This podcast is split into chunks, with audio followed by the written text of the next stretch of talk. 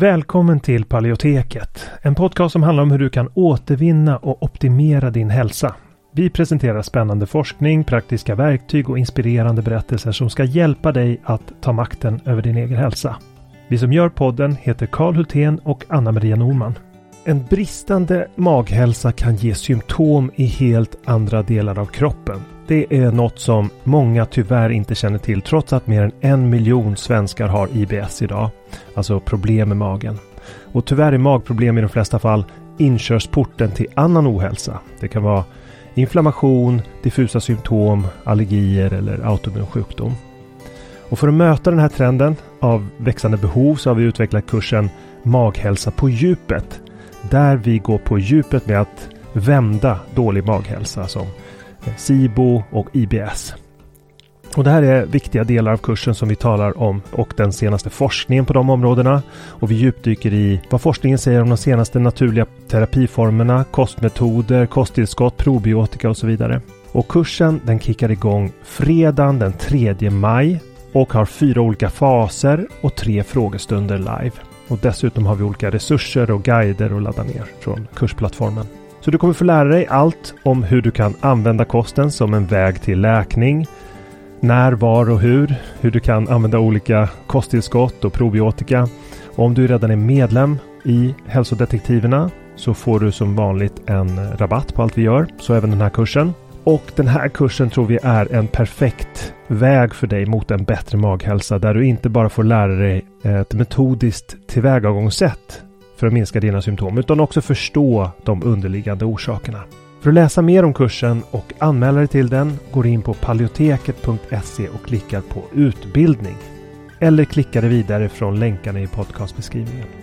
Så varmt välkommen till Maghälsa på djupet. Vi ses där när kursen startar den 3 maj. Innan vi kör igång med dagens tema vill jag påminna om att den här podcasten har ett utbildande syfte och inte utgör medicinsk rådgivning. Nu kör vi!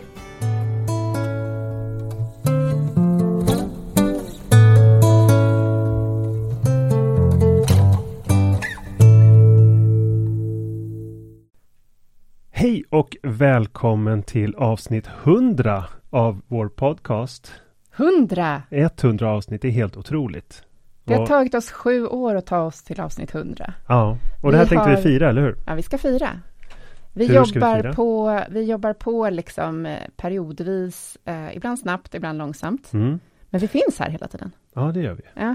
Sen 2016. Mm. Sju år har vi hållit på med den här. Oktober 2016 Mm. publicerar vi första avsntt. Jag satt och tittade för att jag behövde faktiskt kolla upp när vi började för att ta reda på att det var 2016 och då såg jag hur det första avsnittet med den här eh, lilla ikonen som är två stycken äpplen som delvis överlappar varandra och som jag genererade i en sån här onlinebaserad Ja. logga-generator. Ja. Och jag kände jag, oj, vi har kommit en bit på vägen Den då. var inte så snygg. Loggan är snyggare idag. Ja. Ja. Eh, dock har vi inte lagt in våran logga i podcastbilden. Nej, det har Dit vi har inte vi inte gjort. än. kommit. Men det kanske vi ska göra eh, Ja. snart. Ja. För det kanske byts bild inom kort. Det kan vi Ja. säga att vi gör nästa år. Eller 2024. Mm. Men det är, när, vi, när man eh, har avsnitt 100, då behöver man ju fundera över vad är det vi håller på med egentligen. Det kanske är det, det kanske är där vi ska börja. Mm. Varför vi skapade den här podden. Och sen vi, sen vi eh, startade så har vi ju också kommit ut med fyra boktitlar. Mm. Det började med autoimmun kokbok. 2016. som har sålt som smör. Vi trycker och trycker och trycker. Mm. Eh, autoimmun handbok också, som är flaggskeppet. Kokbok för sköldkörteln och mat och symptomdagbok. Mm, de tre sista där kom vi ut med 2019. Och vi har pratat om dem i en del av poddarna. Sådär. Ja. Sen har jag börjat klippa bort en del av det. När det är eh, matnyttiga ämnesområden som vi tar upp Ja. eh, så har jag nu bara klippt bort. Vi har och- rensat reklam för att komma in med färsk. Ja, För, för att kunna flagga för färska saker. ja, för att man gör reklam för saker som inte finns längre. Ehm, Du kan delta i detta 2020. Ja, det blir lite konstigt. Men jag, Mm. jag tänker så här att jag funderar lite över vad, vad är det som är syftet? Mm. Och då har jag tänkt att syftet har ju alltid varit, och det kanske inte vi talar om hela tiden, men det, men det är någon form av hälsorevolution som vi håller på med ju Mm. här på Paleoteket. Med eh, människans evolution som någon form av vägvisare i, eh, som en hälsokompass. Och vi grundar oss i forskningen men framförallt så utmanar vi ju matindustri, vi utmanar Livsmedelsverket, vi utmanar sjukvården i sina etablerade paradigm.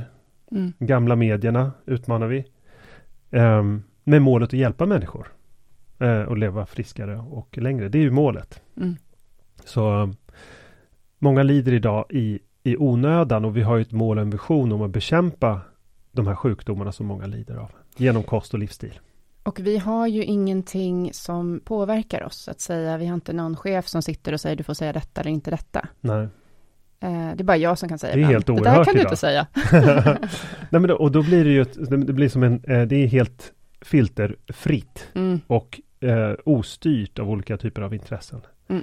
Och det, jag tror att det skiner igenom när vi talar om Och det. det har ju varit också en av orsakerna till att vi har varit lite tveksamma till att ta in sponsorer faktiskt. Eh, Vare sig, men vänta nu, då kanske man känner att man blir påverkad och sådär. Men eh, nu har vi väl landat i att vi kan tänka oss att göra det ändå till bra företag och sådär. Ja, vi har ju Mm. alltid varit det har ju varit en ständig dialog mellan Mm. oss hur vi ska, vilka ska vi då ta in? Mm, vi har ju tagit in några. Ja, Mm. för, men det har ju alltid varit något som, eh, som inte haft den minsta bäring på det vi talar om Mm. förstås. Nej, exakt.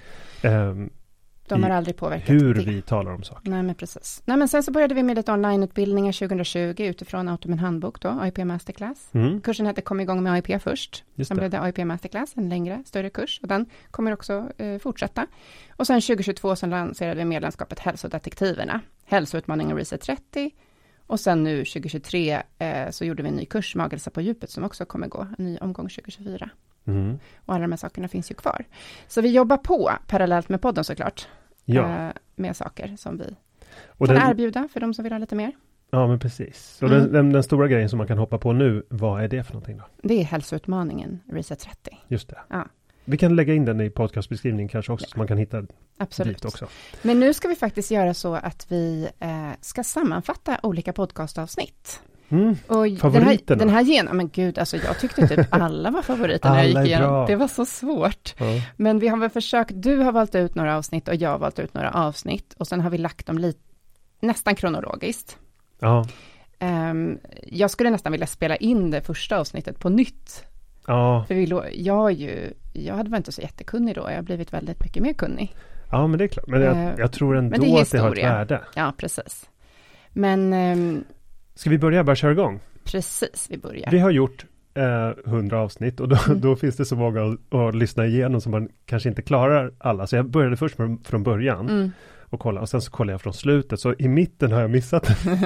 Men där har jag kommit in. Ja. Eh, Vi har ju haft olika roller, du nördar ner i olika teman, ibland själv, ofta tillsammans. Mm. Och jag har gjort en hel del intervjuer, så att jag har lyft upp en hel del intervjuer också, som inte du har varit med och gjort. Nej men det tycker Mm. jag, det blir nog en bra mix det här. Mm.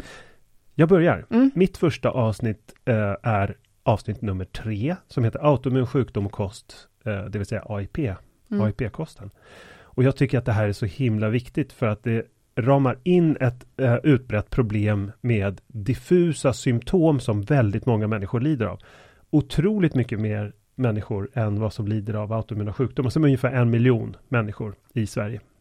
Bara i Sverige. Alltså det här är ju, det, det är vår tids folksjukdom och den är helt ouppmärksammad eh, och, och uppdelad i någon slags lapptäcke av olika diagnoser. Men i grunden så är det en och samma mekanism, hävdar vi. Och eh, vi pratar i det här avsnitt tre lite om skillnaderna mellan A, vad, vad AIP kommer ifrån. Alltså att det kommer ifrån paleokosten. Att det är bara en variant av det. Och vi pratar om historiken bakom den paleolitiska kosten och lite så. Och därför tyckte jag att det var bra att lyfta fram det Mm. avsnittet. Just det.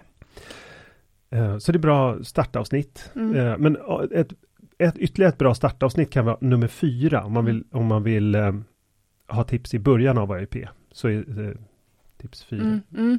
Eh, nu är det en som vi inte har skrivit upp här, men jag tror att det är nummer två kanske, som handlar om evolutionsperspektivet.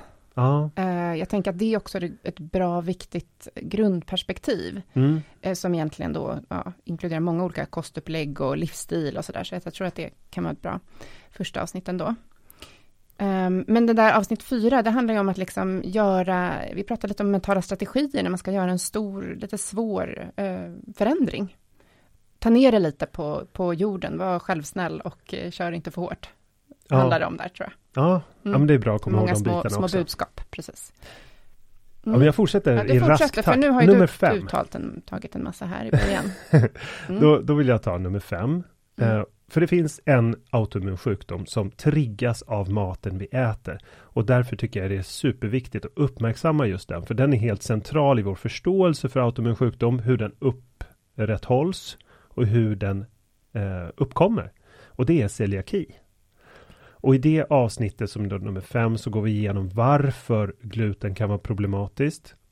Vi eh, går igenom hur känslighet mot gluten kan manifesteras i kroppen och hur man faktiskt kan vara känslig mot gluten utan att ha celiaki. Och det är någonting som ofta förlöjligas allt oftare idag. Men vi som faktiskt träffar och jobbar med människor som är verkliga fysiska människor istället för någon slags idealbild av eh, eller någon, någon slags eh, önsketänkande extrapolerat från forskningen. Vi som har erfarenhet av att jobba med människor, vi vet hur utbrett problem gluten är för många människor med kroniska symptom. Mm. Och det här är någonting som ja, vi får fortsätta göra människor uppmärksamma på. För Mm. att nu finns det ju mäktiga intressen som vill förlöjliga det. Mm. eh, För att kunna sälja just gluteninnehållande eh, processad skräpmat. Eh, ofta vegetarisk Mm. idag, allt oftare för det är billigare. Så det är därför man vill torgföra den typen av eh, livsmedel. Men det är ett stort problem för människor som har inflammation, som har diffusa symptom, som har magproblem, att Ja. äta sådana Ja, men jag ofta. tänker så här, eh, förutom att så här, laga mat från grunden, så är väl det en av de första sakerna man kan ta bort, om man inte, om man vill Ja. börja någonstans. Så Mm. avsnitt nummer fem. Ja, precis. Mm.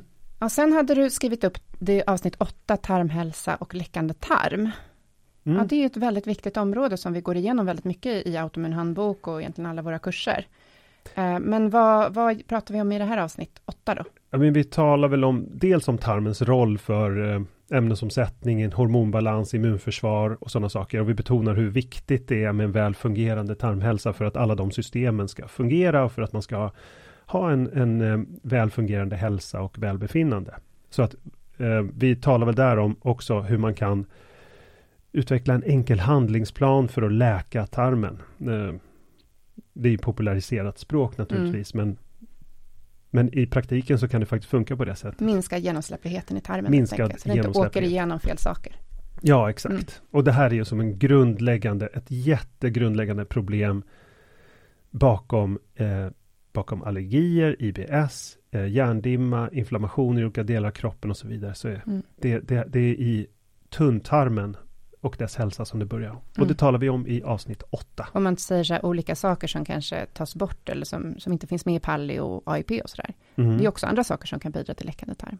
Ja, Och som i AIP så tar man bort alkohol till exempel. Det är ju något annat som kan bidra. ja, men precis. Mm. Det finns ju många saker. Det, det är ju ett det är ju ett komplicerat område som Mm. vi naturligtvis inte täcker in i det avsnittet. Nej. Vi har ju skrivit en 400 sidors bok Ja, men exakt. Men- jag tänker att det avsnittet var ju innan vi skrev boken också, så att man säger att jag tror att vi har skrivit ännu mer Ja. bättre där, än just avsnittet. Men det är en bra introduktion Ja, kanske. precis. Mm. Och sen har du valt avsnitt 15 om kött och näring för ditt immunförsvar.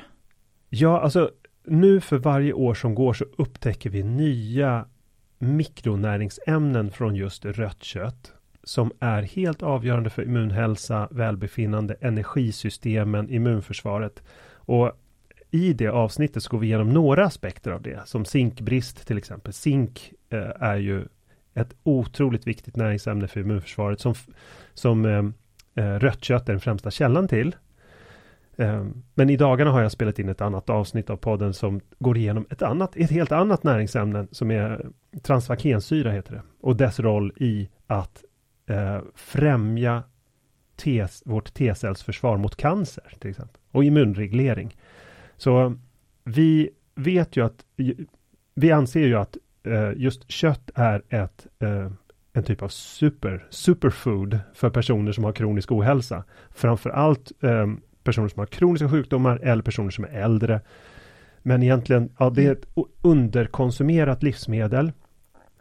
Och det innehåller äm, eh, mikronäringsämnen som har specifikt stor betydelse för immunförsvaret. Och det går vi igenom lite om i det avsnittet. Men det kommer naturligtvis fler avsnitt längre fram som handlar om Förut, eh, ja, hur immunregleringen kan främjas av rött kött på olika ja, sätt. precis. Jag kommer komma in på lite andra teman som jag har valt ut också som relaterar till det här. Ja. Men B12 är ju ett annat ämne som är viktigt. B12, Ja. transvakensyra är en aspekt. Eh, kreatin har jag hållit på att förbereda ett, eh, ytterligare ett Mm. avsnitt om nu. Zink har vi talat om i ytterligare ett annat avsnitt som vi Mm. kommer gå igenom en stund här. Men eh, ja, det, det är så viktigt. Vi, därför återkommer vi till det. Ja. Och sen har du valt ut avsnitt 20, histaminintolerans. Ja, det är för, för att det är ett väldigt populärt avsnitt som man tänkte bara. Ja, det- är många som har lyssnat på det avsnittet och Ja. många som kommer till blogginläggen som vi har om histaminintolerans. Um, Så det, det avslöjar liksom några fallgropar man kan hamna i för vissa individer som har problem med sin maghälsa. mm. Så kan det vara vissa saker som man behöver veta om hur man ska hantera det tillståndet. Och lite hur man kan komma, eh, hur man kan lösa det. Mm. Där går vi igenom saker som eh, ja, men vilka livsmedel handlar det om som man kan undvika? Vilken roll har dysbios? Vilka, Mm. vilka symptom eh, uppkommer vid histaminintolerans och så vidare. Men där kan jag tipsa om att vi har ett blogginlägg som faktiskt är ännu mer utvecklat, som har kommit senare. Så man går in på paleotek.se och i sökrutan skriver histaminintolerans, så kommer ett långt blogginlägg. Mm. Det är lite Eh, mer heltäckande. Ja, precis. Men sen har jag valt ut avsnitt 40 om probiotika. Bra. Eh, för det eh, spelade vi in eh, liksom samtidigt som vi höll på att skriva Automin handbok. Eh, och det är ju en av verktygen i den sista delen i Automin handbok, Mm. en probiotikakur. Och kan säga att det här avsnittet, det går ju igenom egentligen det som står i boken, fast att det är lite mer detaljerat i boken kanske. Men där kan man förstå ungefär eh, vilken roll probiotika kan spela eh, och varför det är bra att använda som en del av eh, en läkningsprocess. Mm. Eh, Och när det gäller probiotika, det är ju en del av också maghälsa på djupet-kursen till exempel. Det går Mm. vi igenom det verkligen på djupet. mm, Och i AIP Masterclass går vi också igenom väldigt mycket Mm. om det. mm, Om man vill fördjupa sig och gå en kurs i probiotika. just det. Ehm, och sen då eh, gjorde vi en ganska lång paus, för då höll vi på att skriva Automin handbok och jobbade intensivt med det. Eh, och eh, vi tog också in feedback från en massa följare. Det var över hundra som hörde av sig och ville läsa utkastet. Jag tror att det blev ungefär 50 personer som gjorde det till slut. Vi Mm. kunde inte ta in alla. Och det var fantastisk hjälp. Jag måste bara säga det till alla som var med. Tack, tack, tack. Ni Mm. gjorde jättestort arbete med boken, att den blev så bra. Och vi Jag så tror att det över den. arbetssättet är helt unikt. Alltså jag Ja. tror inte det förekommer Jag måste berätta vad vi någonstans. gjorde. Ja. Alltså det här är ju helt galet faktiskt. Jag förstår inte ens att vi... Tack alla som läste, ni gjorde ett stort arbete. Men sen skulle vi ta emot kommentarer från 50 personer. Hur gjorde vi? Jag måste, det måste vi berätta. ja, men vi lyckades med någon slags eh, eh, digital fusion av alla dokumenten. Vi alltså fick ihop alla de här versionerna av ett Word-dokument. Ja. La dem ovanpå varandra på något sätt. Ja. Kommer inte ihåg hur vi gjorde. Kunde se alla kommentarerna på hela boken samlade i ett dokument. Mm. Och där kunde vi sen, ja det påverkade hela innehållet på boken och ordningen. Strukturen. Ja. Så att det, jag menar, det finns kanske, och jag tror att vi kanske delvis har alla de här betaläsarna som vi kallar det för och tacka för att vi Mm. har liksom fem stjärnor i snitt på Bokus. ja, tack allihopa. Alla som och ni har, ställde så mycket bra frågor. När det var otydligt så sa ni det. Så att vi liksom kunde nyansera och förtydliga. Ehm, men jag ska säga, vi delade också upp er i två grupper. Så att det var en grupp som läste först. Sen jobbade vi om boken och sen skickade vi till nästa grupp. mm. Eh, och det var också jättebra.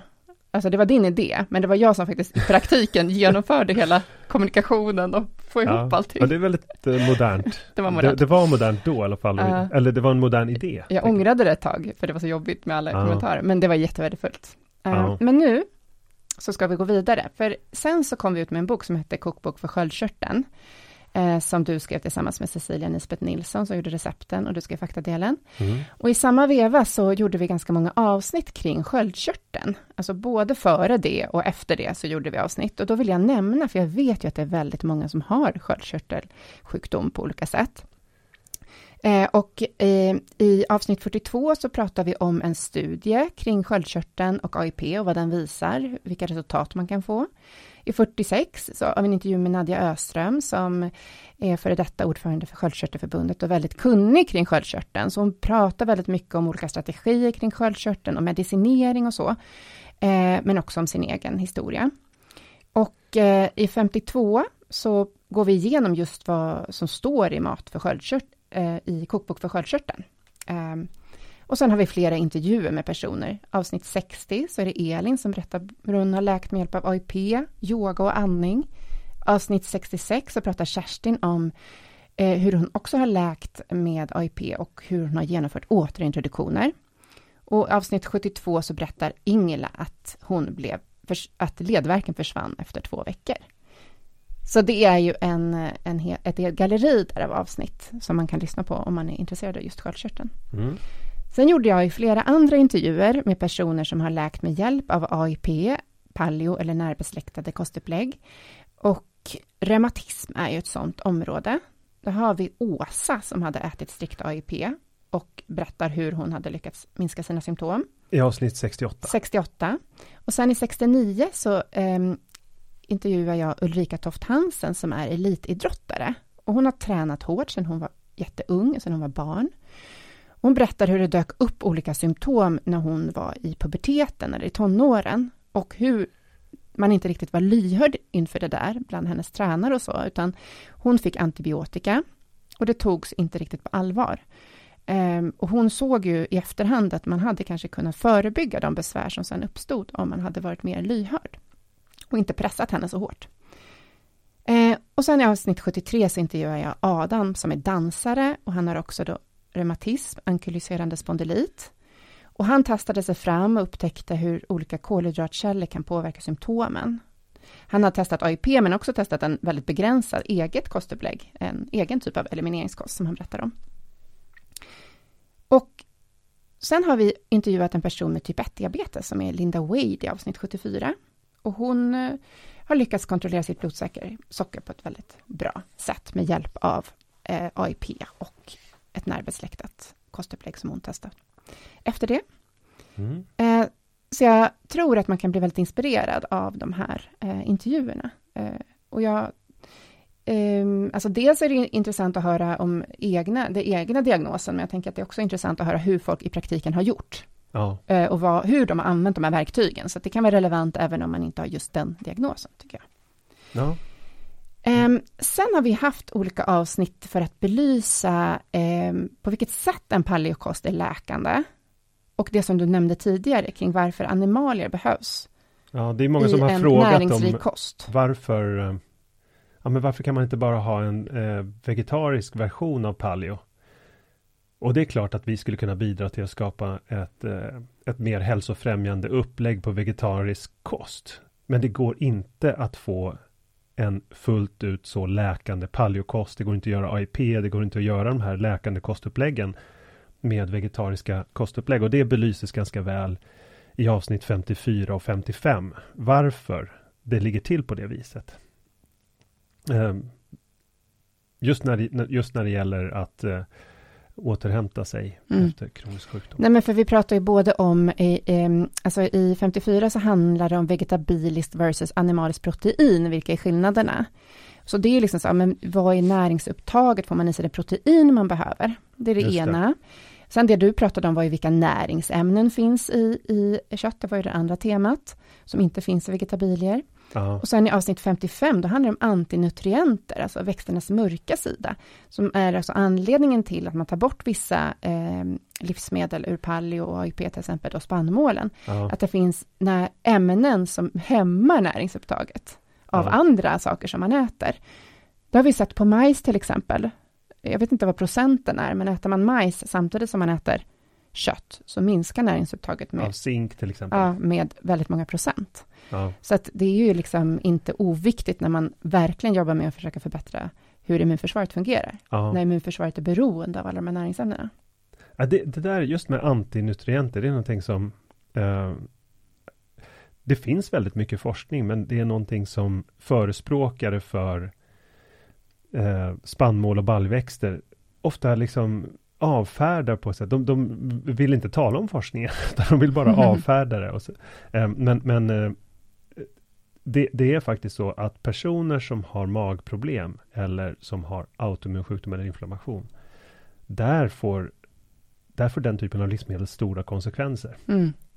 Och sen såklart det finns sätt att eh, bearbeta dem. Eh, alltså till exempel att man tryckkokar baljväxter. Det finns ju sätt att ta bort stora delar av antinutrienterna. Ja. Men det blir i alla fall, finns alltid lite kvar. Det är ju inte helt Jo, borta. alltså man får nog skilja på eh, olika typer av populationer här. För att det, olika individer har ju verkligen olika förutsättningar när det gäller att tolerera den typen av livsmedel också. Mm. Så vi hävdar ju inte att det i grunden är helt omöjligt, att det är omöjligt att ha en bra hälsa och samtidigt äta baljväxter och spannmål. Absolut kan det vara förenligt med god hälsa för vissa individer. Mm. För andra individer, framförallt personer som har kronisk ohälsa eller som har problem med maghälsan, så är det inte möjligt. Mm. Och då innebär det en belastning. Men jag tror också att det innebär en belastning för de människor som inte upplever negativa symptom. Mm. Och det är väl där vi skiljer oss lite från eh, de som då pekar på populationsstudier och säger att det här, ja men det här, man får så fina blodfetter av det här och ja men visst, det kan ju stämma Mm. att man får eh, ett bättre LDL av ett eh, av en av en vegankost till exempel. Det, och det får man ju även av en vanlig paleokost. Mm. Men att eh, det är inte det vi är ute efter, utan vi är ute efter hur det påverkar im- immunhälsan i eh, tunntarmen hos personer som inte har en perfekt fungerande. Har man kroniska symptom eller liknande, mår man inte toppen, då är det de, de livsmedel man kan plocka bort, så att säga, och må my- mycket bättre på kort sikt. Ja, men sen kommer vi till ett annat tema som, eh, det är egentligen kanske inte det område som vi brukar prata mest om, men vi kom in lite på karnivorkosten i avsnitt 65. Ja. Och du gick igenom karnivorkostens historia. Ja men precis, där pratar jag lite om hur, eh, hur det har varit känt under väldigt lång tid, varför, eh, på vilket sätt kött är eh, främjande när det gäller muskelstyrka och allmän hälsa ända sedan 1800-talet i det avsnittet. Jag tycker att det är en bra Mm. historisk genomgång. Och vi använder ju karnivor ibland men som ett terapeutiskt verktyg, att man äter under en period. Ja, För att precis. sen återintroducera för vi tror att det också är bra att äta grönsaker. Jag, på lång jag sikt. tror att, ja men precis, alltså att det, jag tror, eh, bra eller dåligt eh, eh, vill jag inte uttala mig så mycket om, men däremot så är det mer förenligt med någon slags avslappnad livsstil. Mm. Eh, sen finns det vissa individer, eh, som alltid, så är vad som är bra eller inte väldigt knutet till vem vi pratar om. Mm. Sen har jag eh, lyft upp lite avsnitt som vi kom ut med under coronapandemin, för det var ju en väldigt stor och viktig period och händelse för många.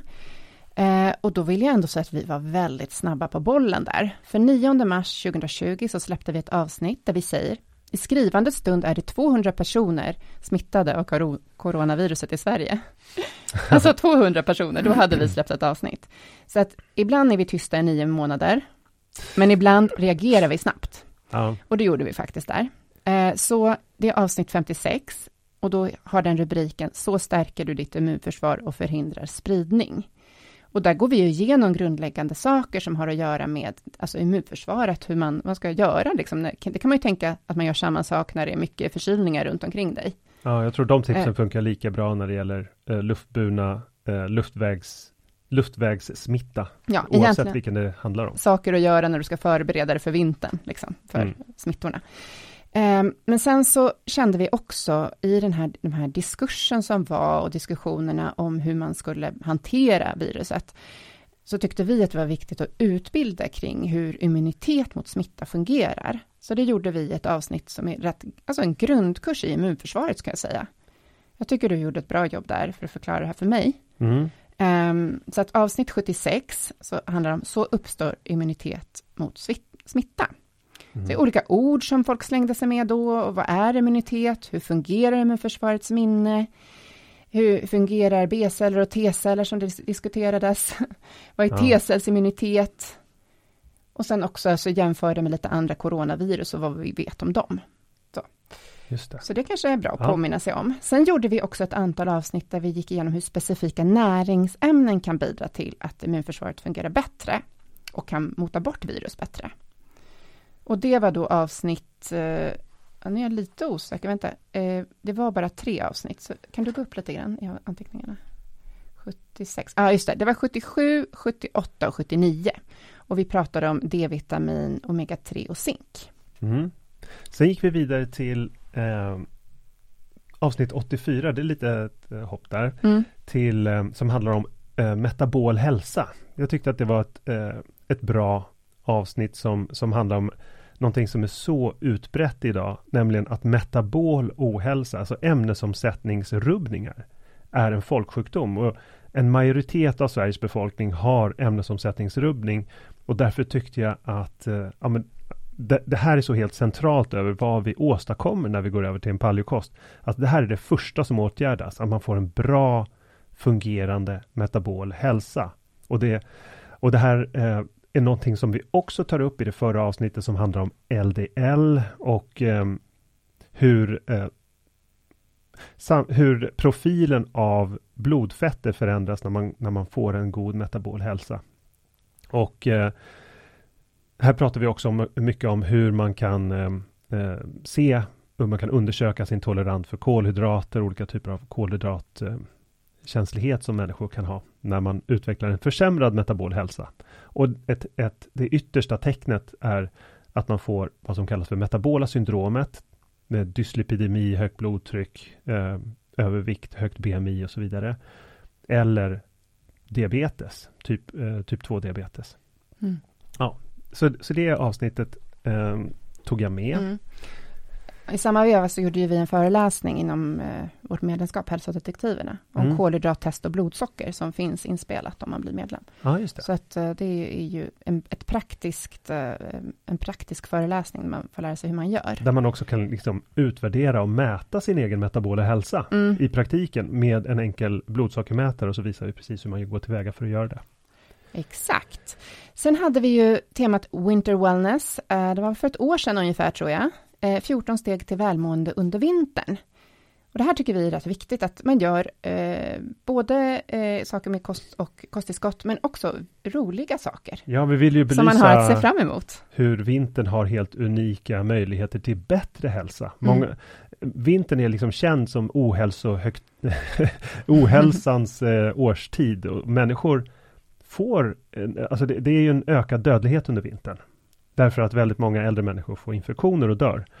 Eh, men vi vill i det här avsnittet visa hur man rustar sig för den vintern. Vi pratar om D-vitamin, vi pratar om bastu, kallbad, eh, ljusterapi, massor av godbitar i den podden. Som, mm. eh, om hur man kan rusta sig för vintern och göra det till en hälsosäsong istället. Just det, och kopplat till det avsnittet så har vi faktiskt en checklista som man kan ladda ner också. Just det. Ehm, mm. Om man går in på det eh, blogginlägget så kan man ladda ner eh, en liten checklista som man kan använda när mm. man ska beta av hälsan under vintern. Sen har jag valt ut avsnitt 91. Ja, 91, ja men det var ju också ett väldigt, det var ett övergripande avsnitt kring maghälsa. Mm. Bättre maghälsa i sex steg och varför all hälsa börjar i magen. Ja men precis, jag tänker att det kanske är ett bra första avsnitt att lyssna på för vissa som är helt nya på området. Så. Um, jag tycker vi gick igenom väldigt mycket bra saker ja, där. Ja, jag har inte detaljlyssnat på det, men vi går igenom varför all hälsa börjar i magen. Ja men alltså, jag tycker det var ett jättebra avsnitt. Ja. Du kommer inte ihåg. Jag kommer men, inte ihåg. Nej, men det, lyssna på det, ska säga. Ja. Det tror jag är ett väldigt bra första maghälsa-avsnitt för att förstå. Um, istället för de där som vi pratade om i början, kring läckande tarm i början. Just det. Det här är proffsigare, ska jag säga. Ja, okej. Okay. Så ja. då ska man alltså börja med 91? 91, mm. tycker jag. Mm. Okay. Eh, förhoppningsvis blir vi ju bättre och klokare med åren.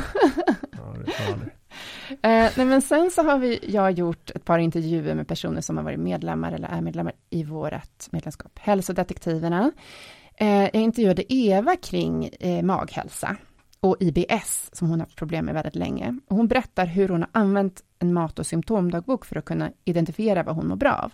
Och det är ju en av våra rekommendationer att man ska göra det. Och det är lätt att glömma.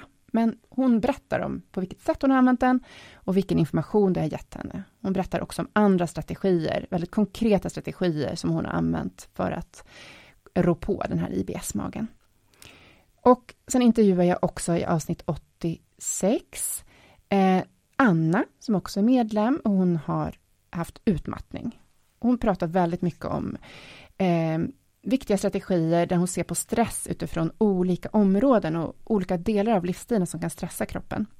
Hon har upptäckt att hon hade SIBO, hon har jobbat med dagboksskrivande och daglig yoga och, jag tycker, och riktig mat till frukost. Och mejerifritt var hennes olika saker som var viktiga för henne. Mm. Sen i år så gjorde vi ju i början av året en intervju med eh, Rasmus Svärd om postural träning som jag tyckte var väldigt intressant. Ja, Ett intressant verkligen. samtal. Väldigt kunnig. Väldigt kunnig och vi har ju själva testat på postural träning. Uh, och han pratar mycket om den här felaktiga hållningen och, som också är kopplat till vårt moderna samhälle och hur vi lever idag. Uh, Och i avsnitt 94 så går vi igenom, där var vi också lite snabba på bollen. Där kom de nya nordiska näringsrekommendationerna och vi pratade om vad vi tyckte om dem. Ja. Eh, och vilka problem vi såg i dem eh, eh, och eh, också vad vi tyckte var bra. Ja, det stora kontentan i det är väl att det är bedrövligt att Livsmedelsverket inte sätter ner foten mot den processade maten. Ja, Det är så, eh, det är så ynkligt. ja. Ehm, Det är helt- det som är det de borde gå ut med. Istället så säger, minskar de på mängden kött. ja, Men det de borde gå ut med att säga sluta med processad Och mat. det här är något som jag har pratat om några gånger nu. Att kött tar upp en väldigt stor kalorimässig del i människors kost när den finns med, för den är så kalorität. Och därför när man attackerar kött så kan man få i ännu mer processad mat. Det är det som är syftet. Man attackerar inte människors eh, konsumtion av andra hela livsmedel som eh, äpplen och grönsaker och så här, för det finns inga kalorier att hämta. Alltså, där kan du inte få någon kalorilucka. Alltså Mm. om du får människor att äta färre äpplen, det skulle de göra om de kunde få in mera processad skräpmat där. Mm. Men de attackerar köttet för de vet att det är där det finns en, eh, får man bort det så får man in fler möjliga kalorier för processad skräpmat. Vad du insinuerar är att vi tror att det finns en påverkan från matindustrin Absolut. i det här. Absolut. Och De är vi- inte pålitliga, de har inte någon trovärdighet längre. För det finns massa aktörer som kommer med feedback eh, och att vi tror att det finns någon påverkan från forskningen som det finns forskare som har jobbat med och grundmaterialet till rekommendationerna så finns det ett glapp. Och, då, och det finns även forskare som gått ut och sagt att de inte riktigt står bakom rekommendationerna. Ja. Från den, den gruppen av forskare som jobbar med det här eh, materialet kring processad mat. Men jag tror att det är, det är nog helt uppenbart för alla som kan någonting om mat och hälsa att det stora problemet med kosten idag är just innehållet av matprodukter av olika slag. Det Mm. är de som orsakar överätning och det här det, de metabola problem som uppstår när man har en överkonsumtion av kalorier. Alltså energibalans är helt avgörande för människors hälsa. Mm. Och hamnar du in i ett överskott av energi så uppstår en lång rad det uppstår inflammation, det uppstår övervikt, det uppstår hjärtsjukdom, dyslipidemi, det uppstår högt blodtryck. Alla problem Mm. Som man kan tänka sig förs- försämras av att man överkonsumerar kalorier. Och de överkonsumerade kalorierna, de kommer inte från animalier. Nej. De orsakas av eh, den processade maten. Och att eh, det är det det här avsnittet I alla handlar fall om. inte från rena animalier, kanske från de, de här färdiga Ja, ju, ju mer Mm, animalier man äter, desto mer normaliseras energiintaget. Mm. Så att då, eh, ju mer, eh, om man ökar eh, intaget av animalier så normaliseras energiintaget. Och det vet vi från hur många kliniska Mm. studier som helst. Sen tyckte vi inte att det belägg man hade då för att ta, minska på kött, eller orsaken eh, är att man har sett en koppling mellan rött kött och tjocktarmscancer. Eh, och vi tycker inte att det finns belägg för det. Eh, och vi har frågat efter underlagen, eh, inte fått dem. Vilka exakta, vilka studier är det, det de hänvisar till? Det har vi inte kunnat se. Eh, men, och du har ju i ett avsnitt som vi kanske redan har publicerat, det här känns, Nej, det får vi se, pratat om lite kring kött och cancer också. ja, precis, ja, Mm, som du nämnde tidigare. ja, men precis. Alltså i välgjorda eh, kliniska studier så, minst, så förbättras de riskmarkörer som skulle kunna leda till cancer. Ett sådant sätt, man ser en ökad överlevnad, till exempel det här med transvakensyra som är en fettsyra som bara finns i rött kött som, som förbättrar överlevnaden hos cancerpatienter till exempel. Mm. Ehm, Men sanningen är att det, de eh, baserar de här bedrövliga kostråden på är stora epidemiologiska studier där vi vet att det finns notoriskt mycket fel i Mm. de frågeformulär som man lämnar ut till människor och att det finns en healthy user bias, nämligen att eh, människor som äter mindre av processat kött framförallt i västvärlden är också människor som lever på ett eh, mer hälsosamt sätt i övrigt. Mm. Och när det inte finns en sån kulturell koppling eh, som, i andra, i, som i vissa länder i Asien så finns det ett omvänt eh, förhållande. Alltså Mm. att människor har en bättre hälsa som i Japan eller Hongkong till exempel. Där människor ju ät, får bättre hälsa ju mer, ju mer kött de äter när det gäller cancer och så. Mm. Eh, eh, hypotesen är helt enkelt felaktig. Ehm, och det vore ju helt det vore ju helt häpnadsväckande om ett livsmedel som har funnits i typ 4 Mm. miljoner år på jorden tillsammans med de människor som, jag menar, eh, våra, våra förfäder skulle göra, skulle göra så att vi får eh, cancer, att vi inte Mm. skulle ha system för att hantera Ja, i det så vore fall. ju jättekonstigt. Och här uppe i Norden, vi har ju levt på det. Ja, Alltså vi har ju inte haft på vintrarna, vad skulle vi ätit annars? Nej men det är ett så absurt påstående så det krävs ju extraordinära bevis och de, de har inte Nej. De har inte på fötterna. Nej, men när de Um. visar det, då tror vi också på det.